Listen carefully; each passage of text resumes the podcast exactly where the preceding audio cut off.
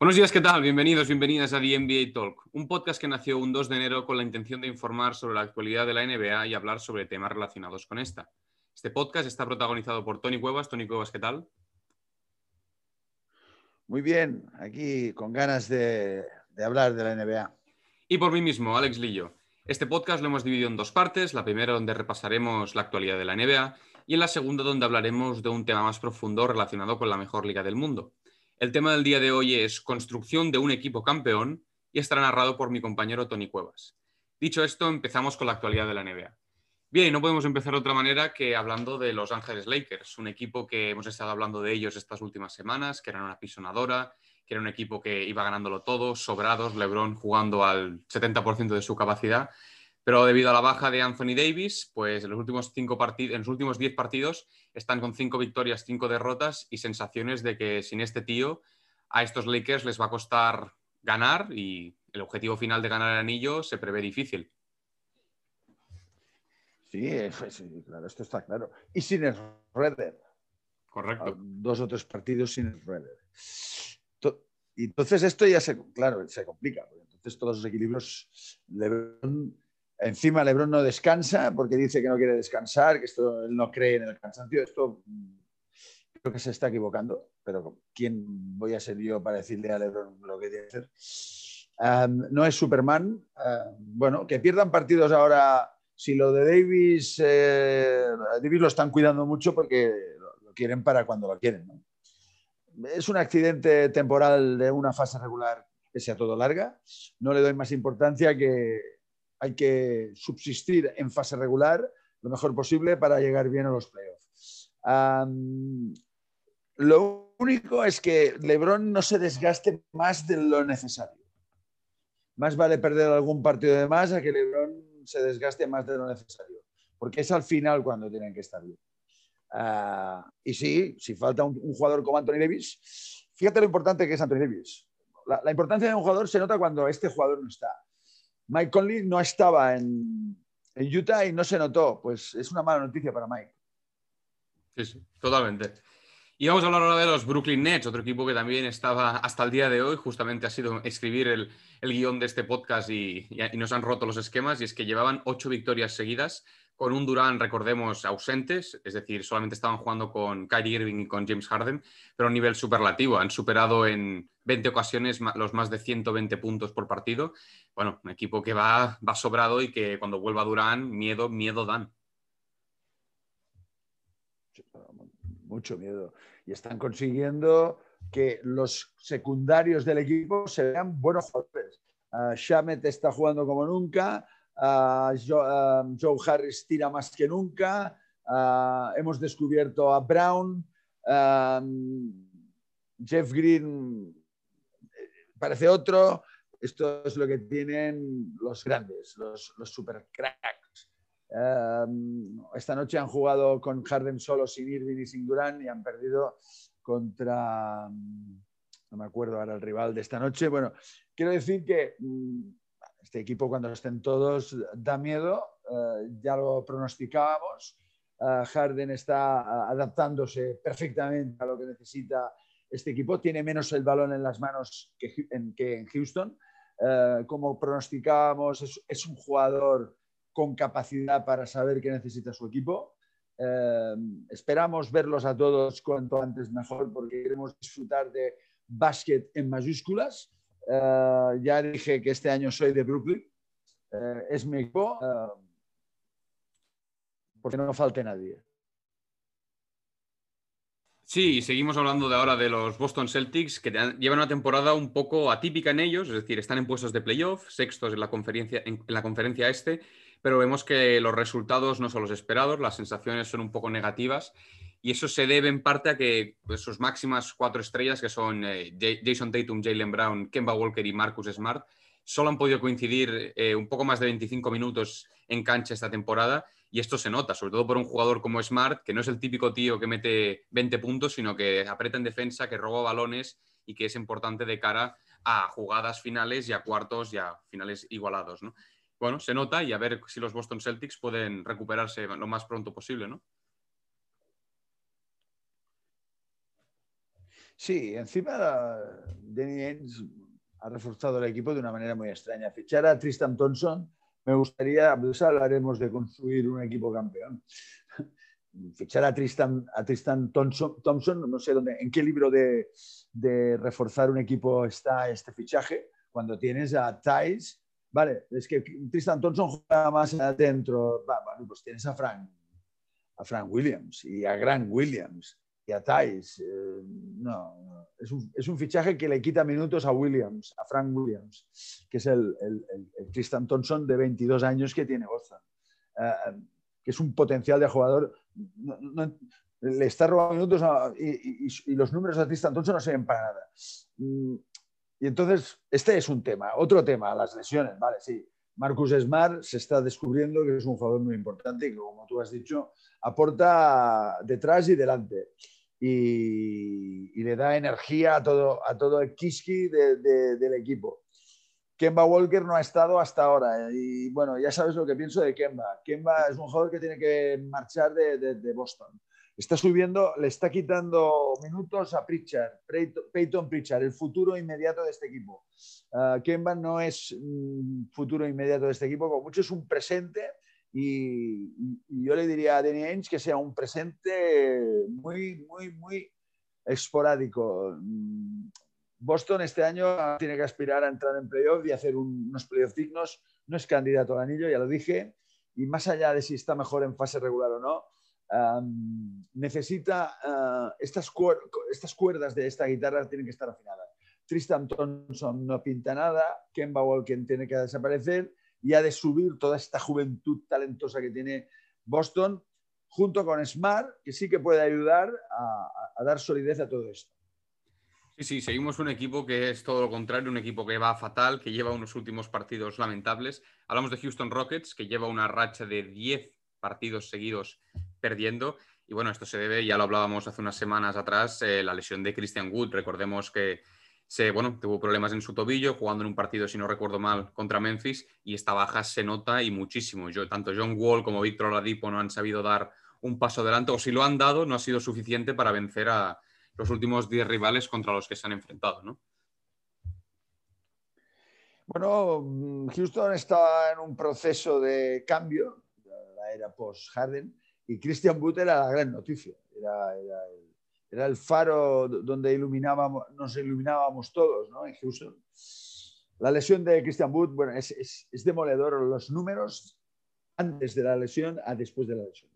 Antes de la lesión y con la llegada de Oladipo y John Wall asentándose y el resto de, de, de, de la plantilla, pues Houston, iba, ya pronunciamos la frase aquella de Houston va a dar un susto. Se lesiona Christian Wood y se ha desaparecido todo rastro de luz, todo rastro de iluminación en este equipo.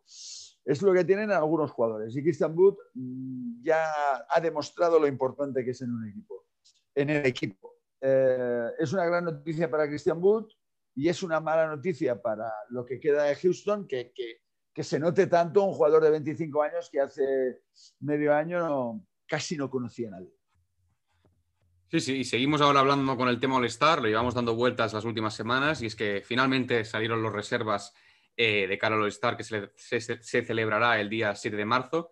Destacar sobre todo las, bueno, la primera aparición de tanto Jalen Brown, Zach Lavin, Julius Randle, que recordemos que empezamos este podcast hablando mucho de él, del, del buen nivel que estaba ofreciendo en la Gran Manzana. Y por parte de la otra conferencia, bueno, destacar Zion Williamson, debuta en un All-Star Uh, y también, bueno, se seleccionó a Anthony Davis, por lesión entrará eh, Domantas Sabonis y lo mismo con eh, Kevin Durant, que finalmente en vez de Kevin Durant entrará, acabará entrando Devin Booker. Bueno, eh, yo pienso que lo de siempre, ¿no? lo que comentábamos la semana pasada. Hay jugadores que faltan, jugadores que sobran, es cuestión de opiniones diversas, ¿no? No, eh, si, si, sigues el, la NBA y entiendes un poco de qué va esto, no hay sitio para todos el gallinero no da para tanto. Uh, el nivel es muy alto, Trey Young se queda fuera. Y con, esto está todo dicho. Um, el nivel es muy alto. Eh, y, como el nivel está alto, mm, y no caben todos, y porque Kevin Durant y Anthony Davis, que son dos fijos, pues es que si no, no iría ni Devin Booker, ni, ni Sabonis, ni, es así, ¿no? Todavía oía pues, comentarios de que Conley, Mike Conley no ha ido nunca a está.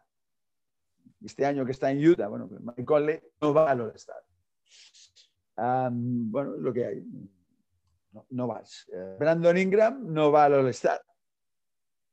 Correcto, el año pasado fue. Entonces, mm, ¿eh? El año pasado recordemos que... Entonces, claro, eh, esto quiere decir que, es difícil, muy El nivel es muy alto. Nos tenemos que dar cuenta que el nivel es muy alto. Sí, sí, y bueno, ya ahora hablamos de rumores, sabéis que nos gusta hablar de rumores en este podcast, y es que en las últimas horas ha salido que, bueno, Kyle Lowry espera que su salida de Toronto sea inminente, a lo mejor al finalizar esta temporada, y que él ha manifestado públicamente que uno de sus destinos favoritos sería los Philadelphia 76ers, debido a que es su ciudad natal. Yo no sé cómo verías a Kyle Lowry, ya un Kyle Lowry veterano en los Sixers, pero a mí me gustaría un base, un tipo que conoce el juego, un tipo que sabe organizar, que ha luchado contra innumerables finales de conferencia contra LeBron James y un montón de jugadorazos. Yo creo que encajaría bien. No sé cómo lo ves tú, Tony. Diana. Lowry en los Sixers es Diana. Dar en la Diana. Lo hemos dicho aquí, falta en los Sixers, dirección. Falta dirección. El lobby. Una diana. Eh, esto es el director, el, general manager de los Sixers lo tiene claro. Aquí falta dirección. Diana, Kylo. Me parece perfecto. Así como he criticado que, que Boston fiche a Tristan Johnson, lo critico en mayúsculas, en minúsculas, en inglés y en cursiva. Eh, digo lo contrario que a Lowry, que a Lowry es Diana. Dan en la Diana. Por favor, que vaya a Filadelfia. Pues seguimos con más rumores y esta vez hablamos de los Washington Wizards y hablamos de que, bueno, eh, ha salido las últimas horas que estos Wizards estarían interesados en Kristaps Porzingis para formar un Big Three tanto con Bradley Bill y Russell Westbrook. No olvidemos que estos Wizards últimamente han estado jugando bien. Recordemos después de la gran racha de derrotas que habían tenido. Han estado jugando bien, ganado cinco o seis partidos consecutivos. Y bueno, no sé cómo verías tú a Kristaps Porzingis. A lo mejor se, solaparía con Davis Bertans y con Thomas Bryan, pero bueno, todos son rumores, a ver en qué acaba, ¿no? Y que Dallas sea postulado.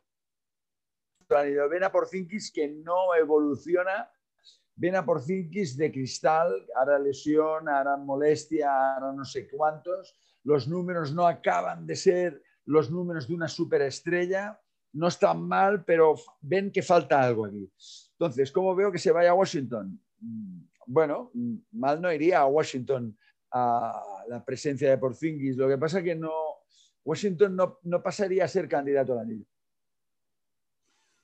Bien, y seguimos con más rumores. Esta vez vamos a San Antonio Spurs. Eh, recordemos a unos San Antonio Spurs que conviene una plantilla un poco distinta. Por un lado tenemos jugadores bastante veteranos ya como de Mar de Rosen, Rudy Gay y la Marcus Aldridge. Y por otro lado tenemos un montón de jugadores jóvenes como son Dejounte Murray eh, bueno, y, todos los innumerables jugadores que tienen. Y bueno, estos tres jugadores que son más veteranos, Antonio había estado pensando en ponerlos al mercado, en ver qué les ofrecen a cambio de ellos. Yo no sé dónde los ves bien que acabaran, pero bueno, son jugadores yo creo que aún aprovechables. Yo que sé, de Rosen tiene 31 años, aún lo veo aprovechable en un equipo como segundo o tercer espada, pero buenos refuerzos para cualquier equipo, ¿no? Sí, sí.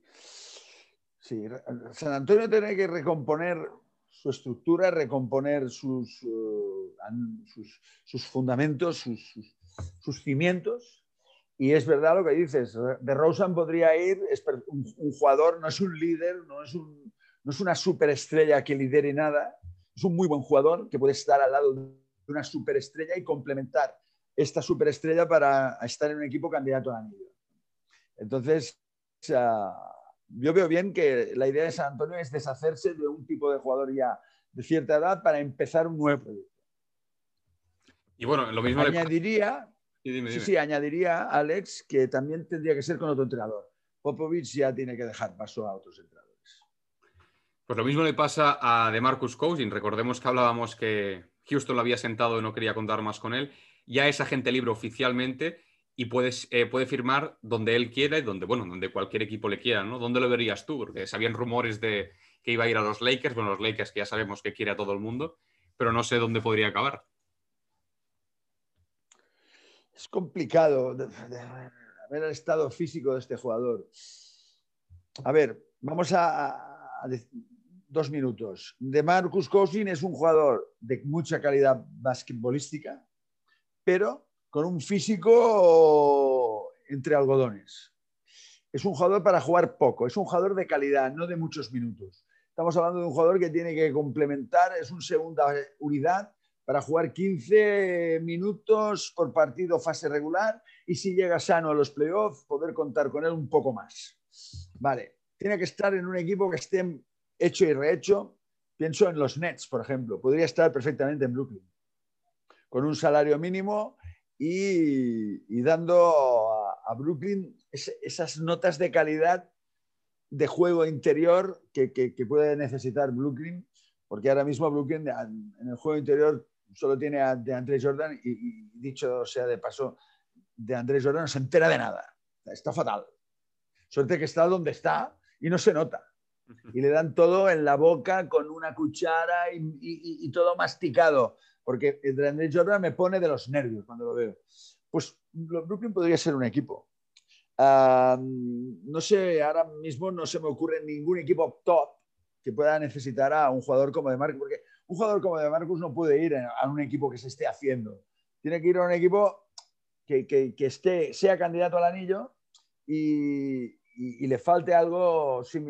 Le falte, creo que Brooklyn es lo más ajustado lo que necesitaría a Brooklyn Nets. Bueno, lo veremos, lo veremos en las próximas semanas, seguro. Y bien, hace un par de semanas hablábamos de los trofeos individuales de la NBA y es que la lista del, rookie del año se ha actualizado esta semana de nuevo, en primer lugar está la Melo Ball, en segundo lugar está Tyrese Halliburton de los Sacramento Kings y en tercer lugar está Anthony Edwards.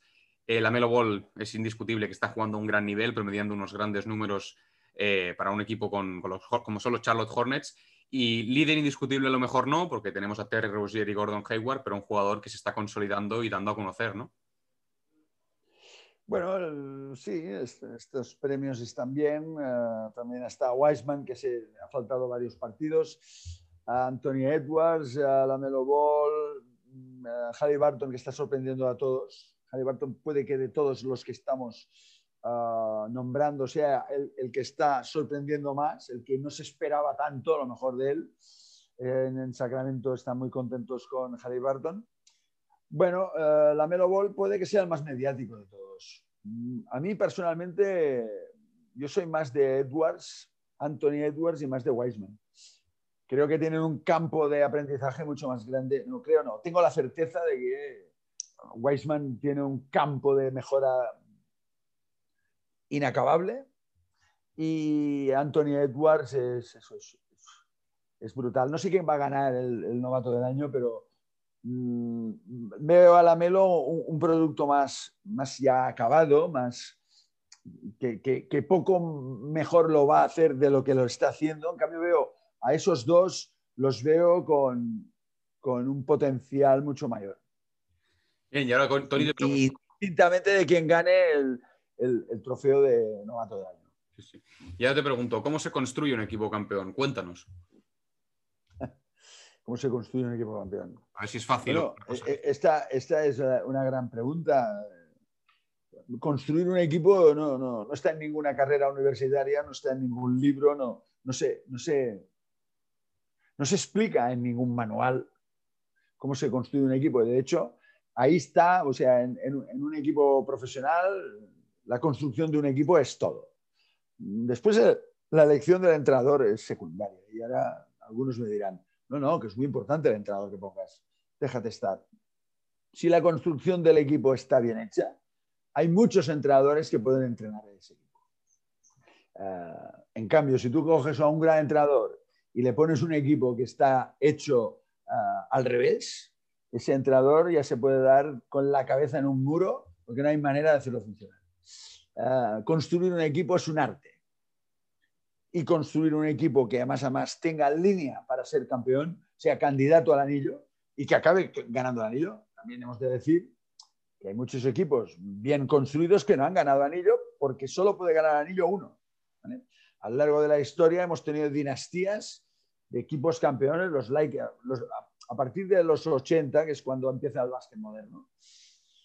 Pues tenemos a los Lakers y a los Boston que se estuvieron uh, turnando a la hora, tenían equipos campeones. Filadelfia se metió en el 83 ganando con Julius Irving, Moses Malone y Maury Chicks. Después estuvieron los Bad Boys aprovechando dos años mm, que ya Boston estaba finiquitando su, su trayectoria, sobre todo Larry Bird, y, y, y Lakers que, que, que Magic tuvo que plegar antes de hora y Era grande. Los, los Detroit con dos años tuvieron su, su, momento, pues hubieron los seis años de Chicago, entre medio los dos de Houston, San Antonio, pues venimos a los años 2000 con San Antonio, los Lakers de Brian Gasol, uh, empieza um, el Miami de Wade y O'Neill, uh, primero los Lakers de Brian O'Neill, bueno, todos los equipos campeones han tenido una estructura básica. Dos superestrellas, una superestrella mm, directora anotadora, Brian, Larry Bird, Magic Johnson, uh, Michael Jordan, LeBron James. Superestrella, directora anotadora, líder indiscutible del proyecto, acompañado de una superestrella intimidadora anotadora, O'Neill, Tim Duncan, Pau Gasol, a Moses Malone. O sea, la fórmula más repetida para ganar el anillo es dos superestrellas. Esta es la fórmula que ha dado más éxito. Y de estas dos superestrellas, una es directiva, es el líder, y la otra es, no, e, es superestrella. ¿Y por qué son superestrellas? Porque son imparables los dos. Son imparables, no hay defensa para ellos. Esto es la base de un equipo campeón. En, un equipo que gane NBA tienes que tener dos jugadores. A veces entre medio se ha colado algún equipo que solo tenía, puede que a una superestrella, o se ha colado algún equipo que tenía una estructura diferente, pero no ha, no ha configurado una dinastía. Por ejemplo, recordemos también la dinastía de los Golden State Warriors del 2015. Superestrellas y jugadores buenos complementarios que la adornan esto es lo que ha funcionado mejor. Entonces, claro, hay dos maneras de tener dos superestrellas. Las vas formando desde abajo, tipo Jokic Murray, Denver, o las fichas de ipso facto, tipo Lakers, LeBron, Anthony Davis. Puede ser porque eres los Lakers y eres una franquicia deseada por todo el mundo, que hagas y digas, ficho a, LeBron y ficho a Davis, ya tengo equipo. ¿Qué rodeo alrededor de ellos? Especialistas. Construcción de un super equipo, vía rápida, atajo, dos superestrellas, dinero encima de la mesa y complementarios a su alrededor. ¿Qué complementarios necesitan esta superestrella? Muy fácil. Bueno, tú ya tienes con las dos superestrellas, tienes dirección, anotación, rebote e intimidación. Te falta pues, un poco más de anotación y defensa coral. Porque estas dos superestrellas ya dan mucho de lo que necesita el equipo. Entonces, um, esto siempre es así ah, y hay excepciones. ¿Y cuál es el mínimo de jugadores complementarios que tú crees que es necesario para crear un equipo campeón aparte de tus dos superestrellas? Bueno, estamos hablando de una plantilla que tiene que mover en torno a 8 o 10 jugadores. Entonces, tú mismo, eh, dos superestrellas y 8 o 10 jugadores complementarios. Varía. No, utilizar muchos más. Entonces, estas dos, eh, e, esta manera de hacer eh, eh, el equipo, fíjate que es pensando en el ataque. La defensa en la NBA a este, a este macro nivel es importante, evidentemente. Hay un nivel defensivo que no se puede bajar, pero no es decisiva. La defensa en la NBA no puede ser decisiva porque el equipo campeón tiene jugadores imparables, señores. Imparables. No se paran con una defensa de uno contra uno y con un dos contra uno, ya te queda otra superestrella, sola o con un tío. Faltan dos defensores para tres. Hay alguien solo que la va a meter. es imparable. Un equipo con formato equipo campeón es imparable. En algún podcast, cuando hablé de, de los candidatos al anillo de este año, hice hincapié en la edad. Para tener un equipo campeón, tu equipo, tu, equipo medular, tu, equipo, ah, tus vigas maestras tienen que tener más de 26 años. Más joven, no estás aún preparado para liderar ese proyecto. Em, esto es así en general. Hay excepciones, hay excepciones, pero en general la madurez de un jugador de NBA llega 26, a partir de los 26, 25, 27, no más abajo. No más abajo. Por tanto, el que construya un equipo campeón ha de tener claro esto. sería una sorpresa que un equipo como Denver ganara la NBA el año pasado. Eso querría decir que el nivel de la liga es bajo.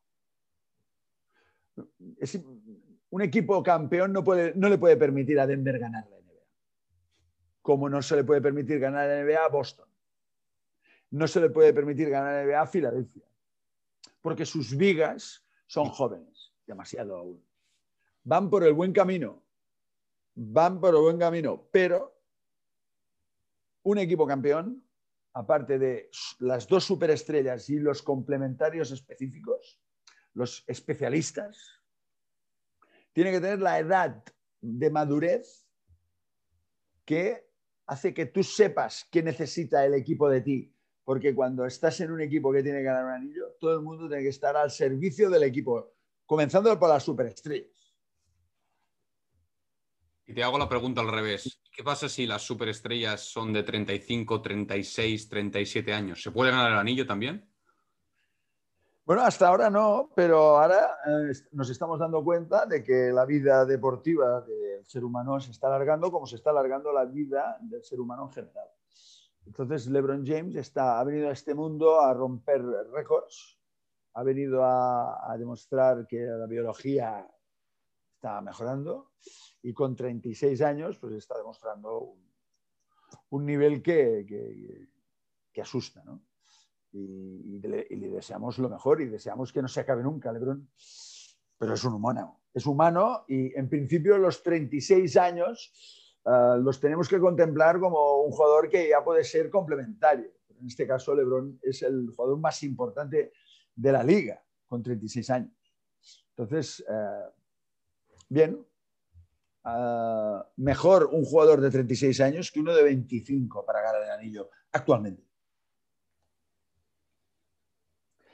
Muy bien, entonces el, trabajo de los general managers es este. Montar, ya sea por vía express, pero esto lo pueden hacer franquicias con pedigree, tipo Lakers, o ya sea vía chup chup, ese guisado que se hace poco a poco, tienes que, tienes que montar un equipo con una estructura anillo. Y la estructura anillo es dos, y ahora diré o más, porque ahora tenemos a Brooklyn, que ha ido por la vía súper rápida. Esta es la vía Lakers, la vía de Brooklyn.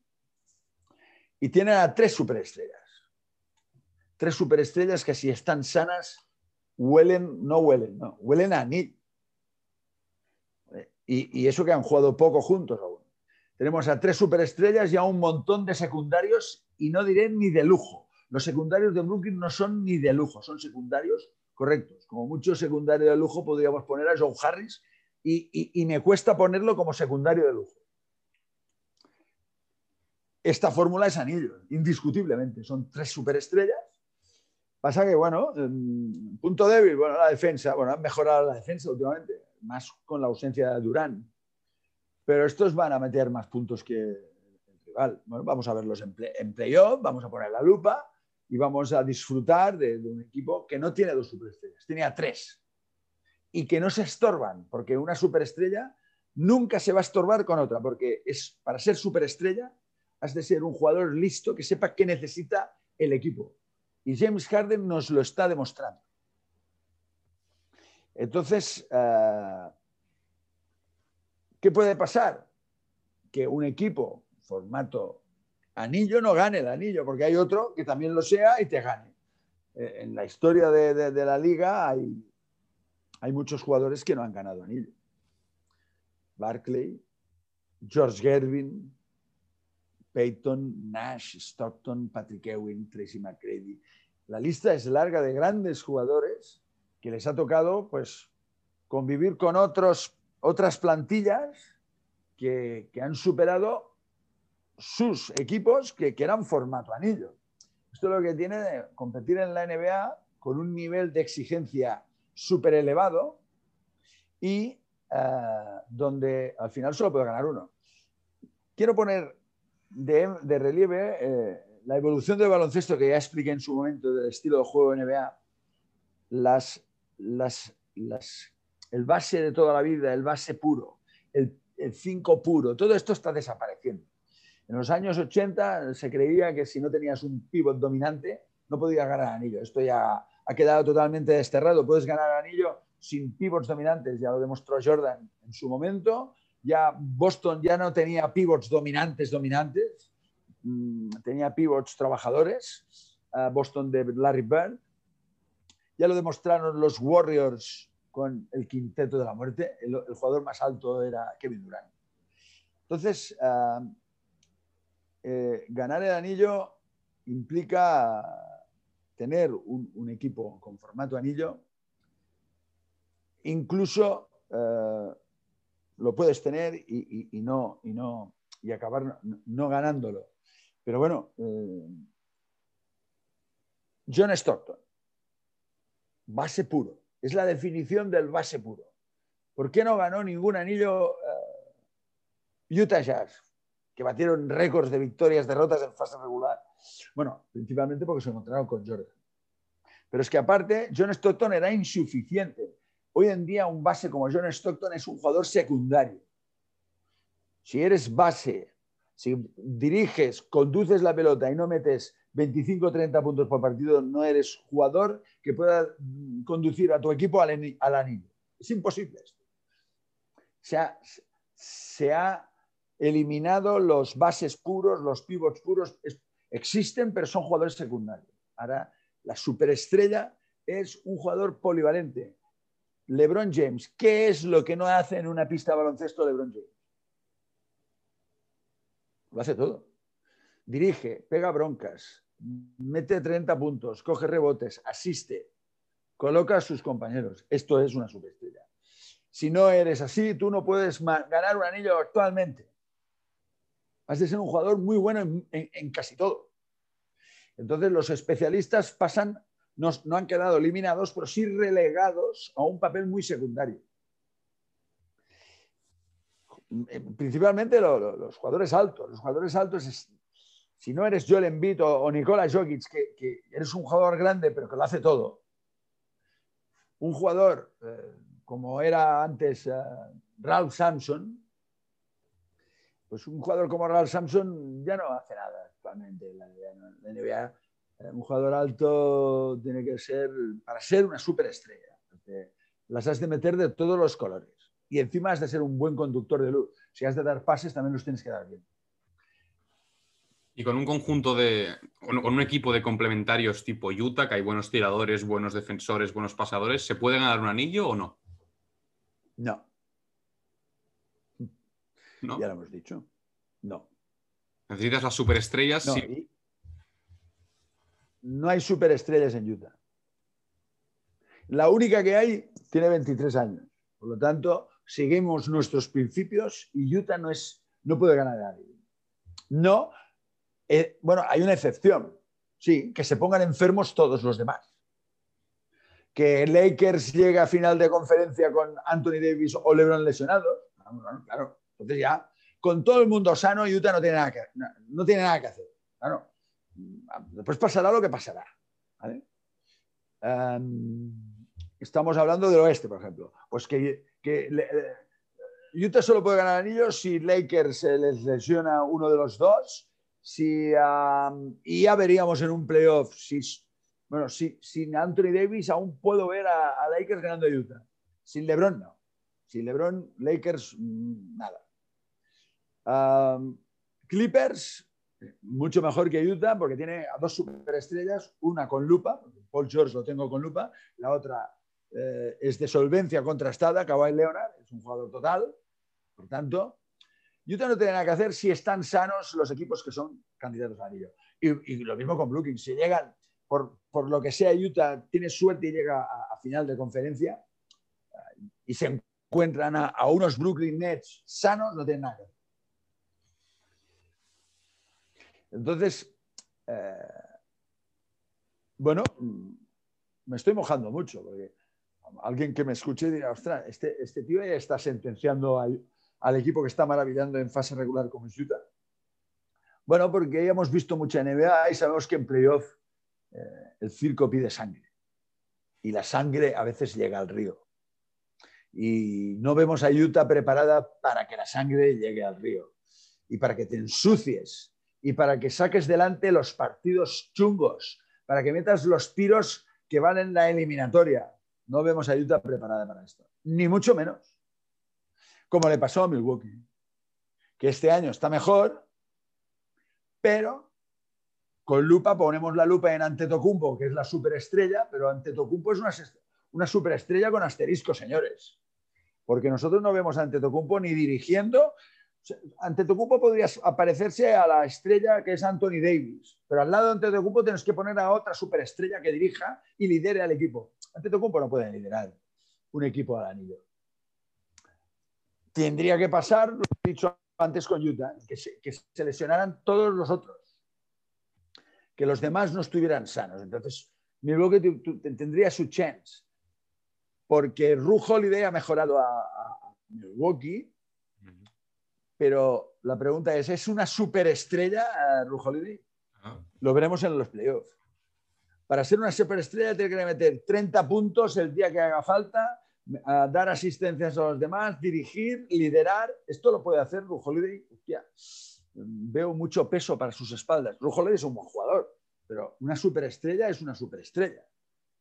Si no es una superestrella, Milwaukee no es candidato a la porque como mucho tienes ante Tocumpo, que te puede complementar a una superestrella, anotando y reboteando, y tienes a Middleton, que es un anotador tipo Clay Thompson, para que nos entendamos. Pero hace falta, hace falta más para ganar. Pero este esquema se rompe un poco, ¿no? Porque el año pasado los Miami Heat llegaron a final de la NBA con teóricamente una sola superestrella que era Jimmy Butler y muy buenos complementos, ¿no? Porque en el este no había nada más. Claro pero al final sucumbieron sin paliativos contra el equipo que tiene formato anillo. Eh, el, equipo Miami, Miami es un equipo que nos ha, bueno, yo ya sabes que yo desde el principio era mi equipo Miami, pero era mi equipo para disfrutar como jugaban. en, en, playoff, a la, que se, a la que se encontrara con un equipo bien formado, no tenía que hacer. Pues Jimmy Butler necesita, Jimmy Butler es una superestrella. Jimmy Butler con Jimmy Butler vamos bien para ganar anillo.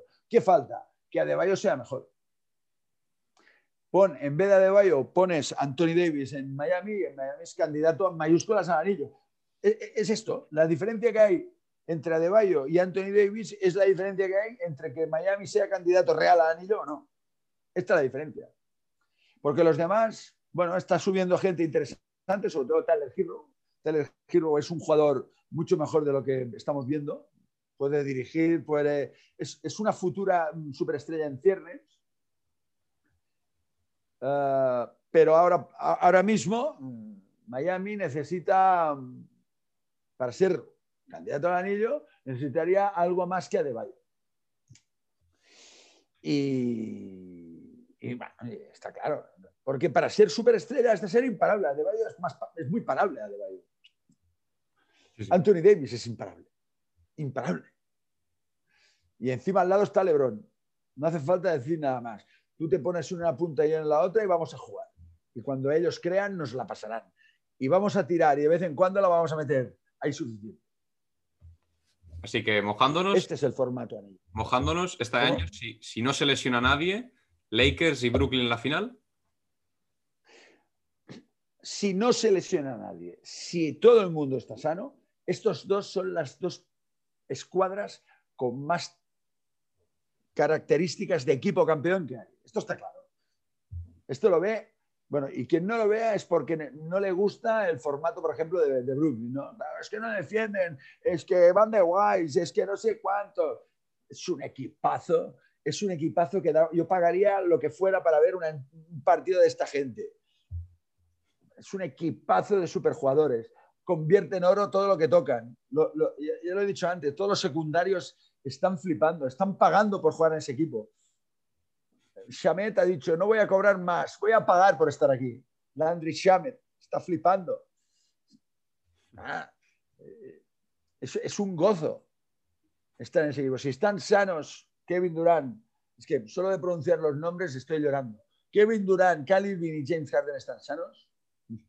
Por favor, vamos a disfrutar. Y, si por otra banda están sanos Lakers o incluso si llegan los Clippers si están sanos y, hay buen rollo, buena química, los Lakers seguro. Eh, los Lakers son los favoritos máximos con toda la plantilla, esto está claro. una plantilla eh, que, no hay fisuras.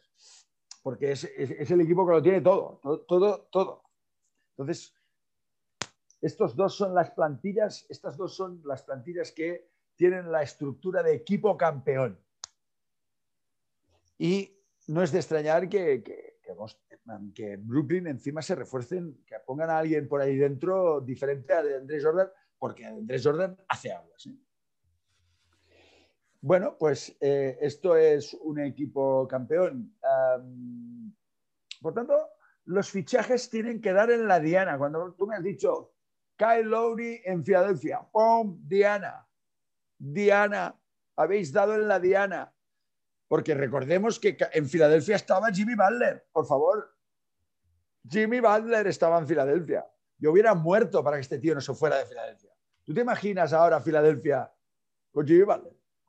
Equipazo. Con Embiid, Embiid hicimos creciendo con el, con Seth Curry que las está metiendo ya. Tobias Harris. Con, uh, Tobias Harris. Con Tobias Harris. Equipazo. No, equipazo anillo no, es poco. Equipazo. Entonces diría que Brooklyn y esto se van a. Diría, Brooklyn y Filadelfia se están jugando el, el, título de conferencia este.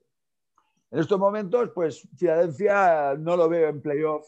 Le, falta dirección, liderazgo anotador desde la dirección.